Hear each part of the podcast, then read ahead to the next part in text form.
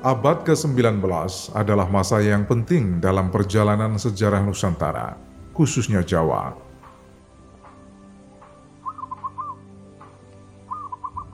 Saat itu kekuasaan kolonial Eropa yang sejak kurang lebih dua abad sebelumnya telah hadir di Pulau Jawa berhasil menancapkan otoritasnya.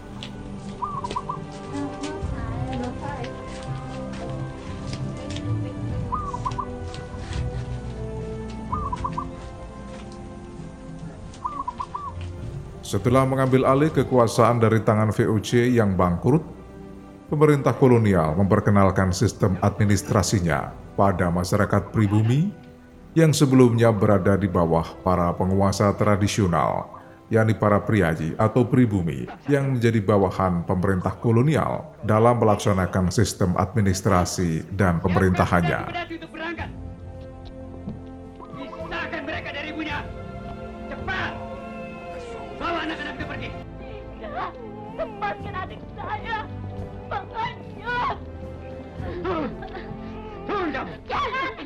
Kehadiran penguasa kolonial ternyata semakin meningkatkan kesengsaraan masyarakat pribumi. Jangan, jangan dengarkan. Tekanan itu semakin kuat saat pemerintah kolonial menerapkan sistem tanam paksa atau kultur stelsel yang dimulai tahun 1830. Tapi pada bangsamu sendiri, anakmu jadi kurban karena kesalahanmu. Kamu menikam sekaligus ke kiri dan ke kanan. Saya akan tetap mengabdi pada Tuan Kapiten. Asalkan kedudukan saya jangan dicabut. Berbagai tekanan di masyarakat pribumi akhirnya mendorong munculnya gerakan dan pemberontakan sosial.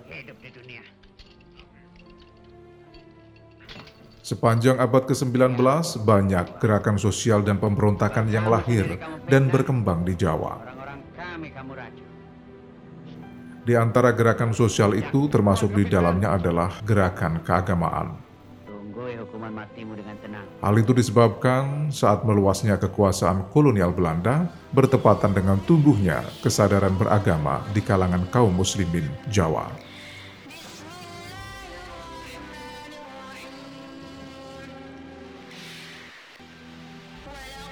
Pada abad ke-19, seiring dengan semakin banyaknya orang Jawa yang menunaikan ibadah haji dan menuntut ilmu di Tanah Suci, timbul kesadaran bahwa Islam yang dipraktekkan di Jawa ternyata banyak bercampur dengan tradisi. Kentalnya unsur tradisi dalam pemahaman dan praktek beribadah menyebabkan masyarakat cenderung mengabaikan aspek syariat karena lebih memperhatikan aspek esoteris atau batiniah. Kondisi itu mendorong orang-orang yang baru kembali dari tanah suci untuk menyebarkan pemahaman dan praktek Islam yang dipelajari di Arabia.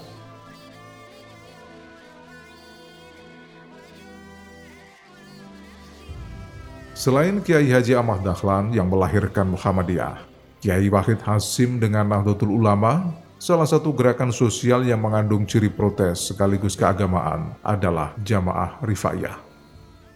Nama gerakan itu diambil dari tokoh pemimpinnya, yaitu Kiai Haji Ahmad Rifai Kalisala.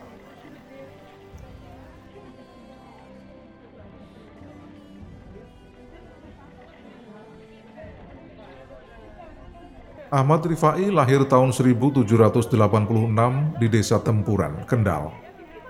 Ayahnya Muhammad bin Sujak Wijaya adalah seorang penghulu Ahmad Rifai merupakan anak bungsu dari delapan bersaudara. Sejak yatim piatu pada umur tujuh tahun, ia diasuh kakaknya, Rojiah, istri seorang kiai bernama Asyari. Ia adalah seorang ulama terkenal dan pengasuh pondok pesantren di Kaliwungu, Jawa Tengah.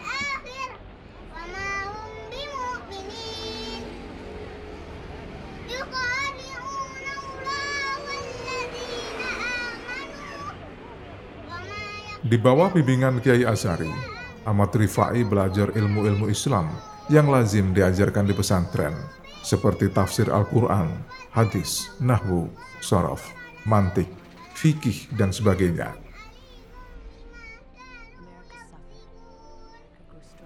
Setelah cukup belajar di pesantren oleh Kiai Azhari, Ahmad Rifai diminta membantu kakak iparnya mengajar di pesantren. Mulai saat itulah Ahmad Rifai juga giat melakukan dakwah dengan cara berkeliling di wilayah Kendal dan sekitarnya. Luar biasa.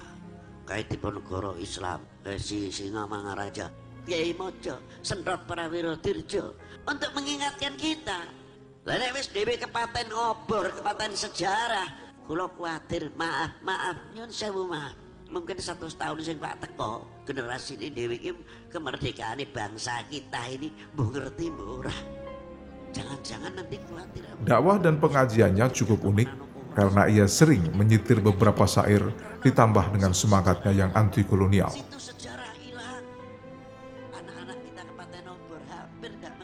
Dalam dakwahnya, Ahmad Rifai tak segan-segan menghujat penguasa kolonial dan birokrat pribumi yang menjadi antek Belanda. Ia juga mengatakan pemerintah kolonial Belanda adalah penguasa kafir, penindas, patut diperangi, dan sumber kerusakan di tanah Jawa. Akibat pengaruh dari dakwah itu, akhirnya menimbulkan kekisruan dan guncangan stabilitas pemerintahan di Jawa Tengah karena munculnya gerakan anti penjajah.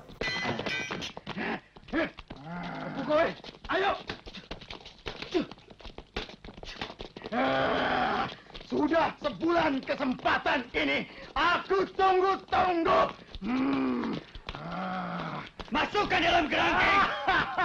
Taruh di depan benteng. Biar semua orang tahu siapa yang berani menentang kami. Upahnya adalah hukuman.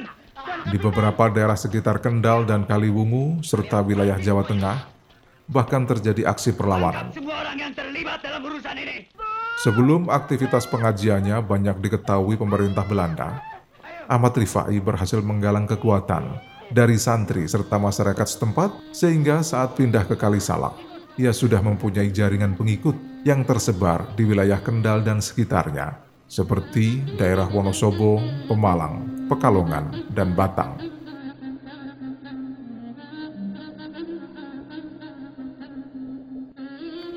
Saat berumur 30 tahun, Ahmad Rifai menunaikan ibadah haji. Kurang lebih 8 tahun, ia memperdalam ilmu agama yang telah dipelajari di tanah air.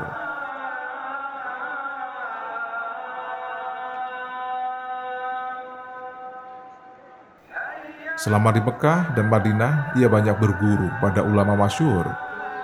Misalnya Syekh Abdul Rahman, Syekh Abu Ubaidah, Syekh Abdul Aziz, Syekh Utsman, Syekh Abdul Malik, serta Syekh Isa Al-Barawi.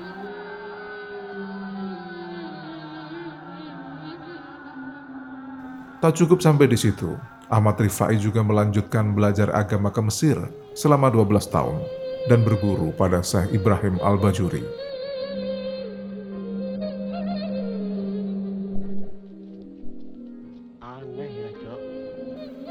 Ketika di Mekah, Ahmad Rifai bertemu dengan Kiai Haji Nawawi Al-Bantani dari Banten dan Kiai Haji Muhammad Kolil dari Madura.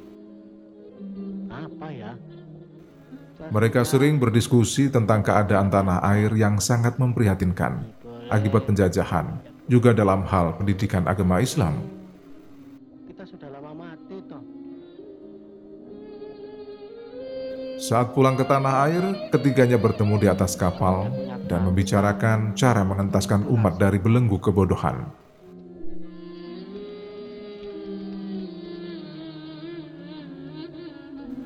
Dalam diskusi itu, mereka sepakat ketiganya berkewajiban menyusun kitab dengan memakai metode yang sesuai dengan kondisi masyarakat setempat serta keahlian masing-masing. Akhirnya disepakati, Kiai Haji Nawawi Al-Bantani menerjemahkan teologi atau usuluddin.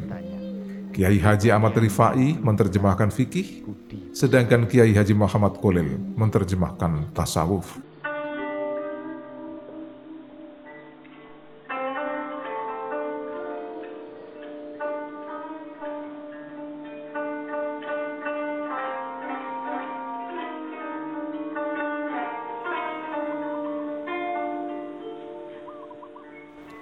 Setelah sampai di kampungnya, sambil belajar di pesantren milik kakaknya di Kecamatan Limpung, Kabupaten Batang, Ahmad Rifai mulai menulis kitab. Diawali dengan tarjamah atau tarujomah.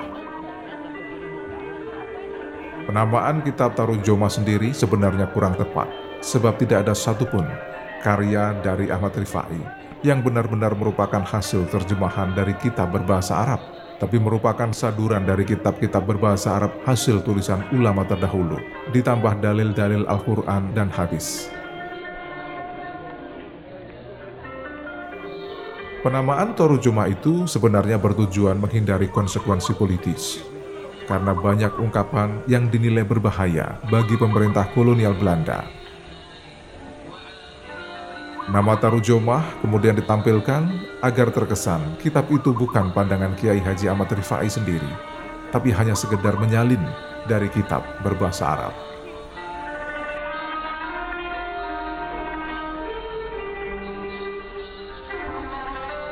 Setelah menulis kitab Tarujoma itu, kemampuan menulis Kiai Haji Ahmad Rifai mulai terasa. Berpuluh-puluh kitab berhasil diselesaikan, Mengenai jumlah kitabnya, sampai saat ini belum ada yang bisa memastikan, karena kitab hasil karyanya banyak yang dirampas dan dimusnahkan pemerintah Belanda. Karena dinilai akan menimbulkan gejolak dan perlawanan saat difahami masyarakat. Peneliti dari Universitas Tokyo, Yumi Sugahara, mengatakan jumlah kitab karya Kiai Haji Ahmad Rifai sekitar 65 termasuk beberapa kitab yang sampai saat ini belum ditemukan. Masa paling produktif selama hidup Kiai Haji Ahmad Rifai yaitu sekitar usia 59 hingga 63 tahun, di mana saat itu ia berhasil menyelesaikan kitab yang dinilai paling monumental, yakni Abyan al-Hawaij. Selama empat tahun itulah ia menyelesaikan sekitar 26 judul kitab mulai dari yang berjumlah puluhan sampai ribuan halaman. Menurut penulis yang juga pemerhati sejarah Islam, Asma Nadia, kemampuan Kiai Haji Ahmad Rifai dalam berkarya sangat luar biasa. Di tengah keterbatasan sarana dan prasarana serta kondisi, ia mampu menulis puluhan kitab yang sampai saat ini masih digunakan sebagai acuan dalam mempelajari dan memperdalam agama Islam di beberapa universitas baik di tanah air maupun di mancanegara ribuan halaman, puluhan ribu, berpuluh-puluh jilid gitu ya, dan nulis dengan tangan gitu. Sehingga nggak tahu apakah kesadaran untuk mengabadikan itu gitu ya atau eh, mereka tahu pentingnya yeah. itu gitu bagi generasi di masa depan gitu ya atau semangat menulis yang luar biasa tinggi dari masyarakat Indonesia gitu loh pada masa lampau sehingga kalau merujuk ke sana kemudian kita yang penulis-penulis muslim yang baru-baru ini merasa nggak mood males ada komputer tapi misalnya Pentiumnya Pentium satu gitu atau misalnya nggak apalah kondisi kamar yang panas kok kayaknya jadi jadi nggak bersyukur banget gitu kita sudah sangat dimudahkan nggak perlu lagi menulis sekarang ada fotokopi kopi gitu ya. Kemudian jadi malu lah gitu loh mas. Kalau misalnya kita sampai nggak menulis gitu loh.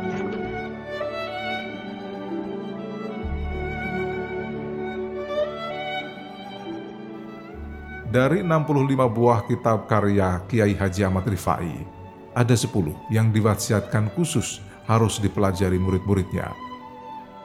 Empat kitab membahas tentang tiga ilmu keislaman, yakni Husnul Mitolab, Asnal Mifasad, Abjan al-Hawaij, dan Riya'atul Himmah. Satu kitab tentang ilmu tajwid, yaitu Tahsinah. Satu kitab tentang ilmu pernikahan, yakni Tabyan al-Islah. Kemudian kitab tentang jual beli dan perekonomian Islam, Tasrihat al-Muhtaj. Lalu ada kitab Tazkiyah yang membahas ilmu menyembelih binatang. Kitab Maslahat tentang pembagian harta pusaka, serta satu kitab ilmu manasik haji, yaitu kitab Wadrihah.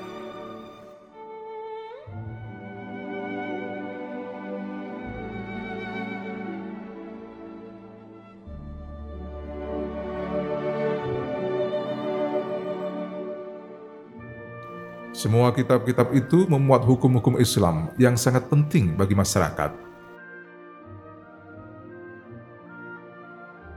Dari bermacam-macam kitab itu, terutama yang diwasiatkan secara khusus pada murid-muridnya, menunjukkan betapa besar peran Kiai Haji Ahmad Rifai terhadap pemberdayaan umat agar tetap berjalan sesuai ajaran Islam.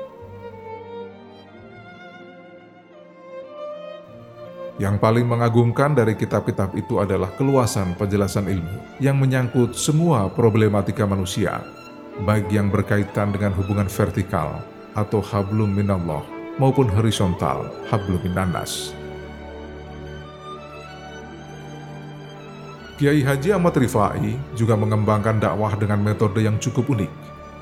Antara lain menerjemahkan Al-Quran, hadis, dan kitab-kitab berbahasa Arab karangan ulama-ulama terdahulu ke dalam bahasa Jawa dengan huruf Arapegon. Lalu mengadakan silaturahim dari rumah ke rumah famili dan masyarakat. Menyelenggarakan pengajian umum dan dakwah keliling ke daerah yang penduduknya miskin iman, ilmu dan materi untuk membendung serangan agama dan budaya yang dibawa oleh pemerintah kolonial. Ia juga menyelenggarakan dialog di masjid atau musula tentang masalah sehari-hari yang berkaitan dengan ibadah. Tak lupa, Kiai Haji Ahmad Rifai juga mengadakan kegiatan kesegaran jasmani bagi pemuda, serta melaksanakan gerakan protes sosial keagamaan terhadap birokrat pribumi dan Belanda.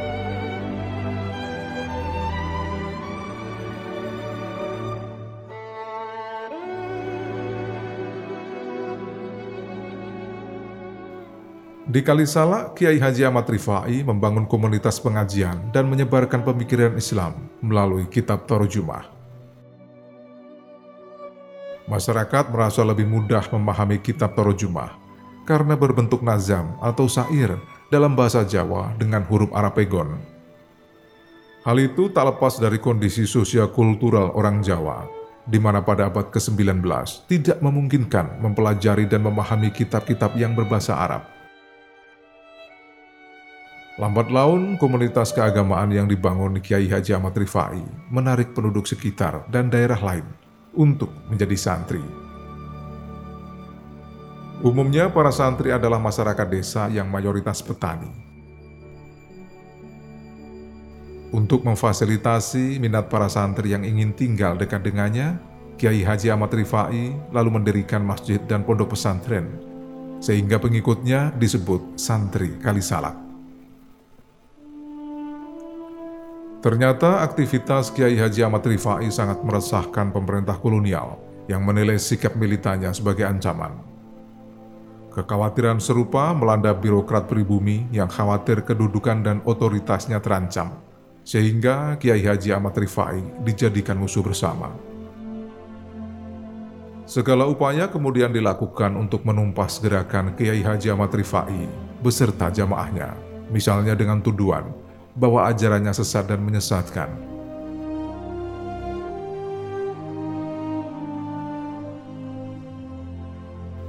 Persepsi negatif terhadap Kiai Haji Ahmad Rifai dan jamaahnya bisa ditemukan dalam Serat Cebolek, karya Raden Panji Jaya Subrata.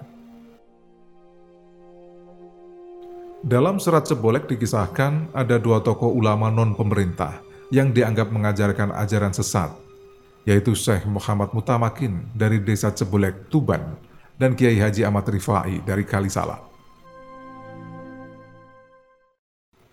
Syekh Mutamakin dituduh mengajarkan mistik sesat, yaitu ilmu kasunyatan, lalu menganjurkan orang untuk meninggalkan syariat yang selanjutnya bisa mengganggu ketertiban umum. Mutamakin menjadi tersangka dan ketip Anom dari Kudus menjadi pahlawan. Mutamakin ternyata selamat dari hukuman karena adanya suksesi kekuasaan dari Amangkurat IV kepada Paku Buwono II.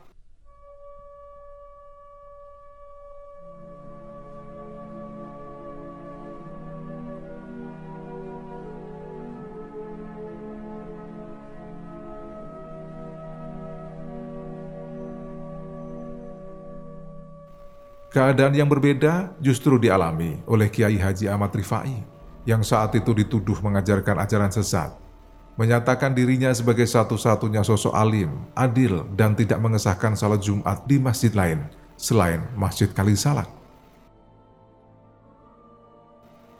Suatu hari Kiai Haji Ahmad Rifai diminta berdebat dengan Haji Pinang penghulu Batang. Meski awalnya ia mampu menjawab semua pertanyaan, tapi pada akhirnya Kiai Haji Ahmad Rifai harus menerima tekanan dari beberapa pihak yang menginginkannya kalah, terutama Belanda dan tentu para andeknya. Beberapa saat kemudian, Kiai Haji Ahmad Rifai diasingkan ke Ambon, lalu dipindahkan ke Manado, hingga akhirnya wafat pada tahun 1878 dalam usia 92 tahun.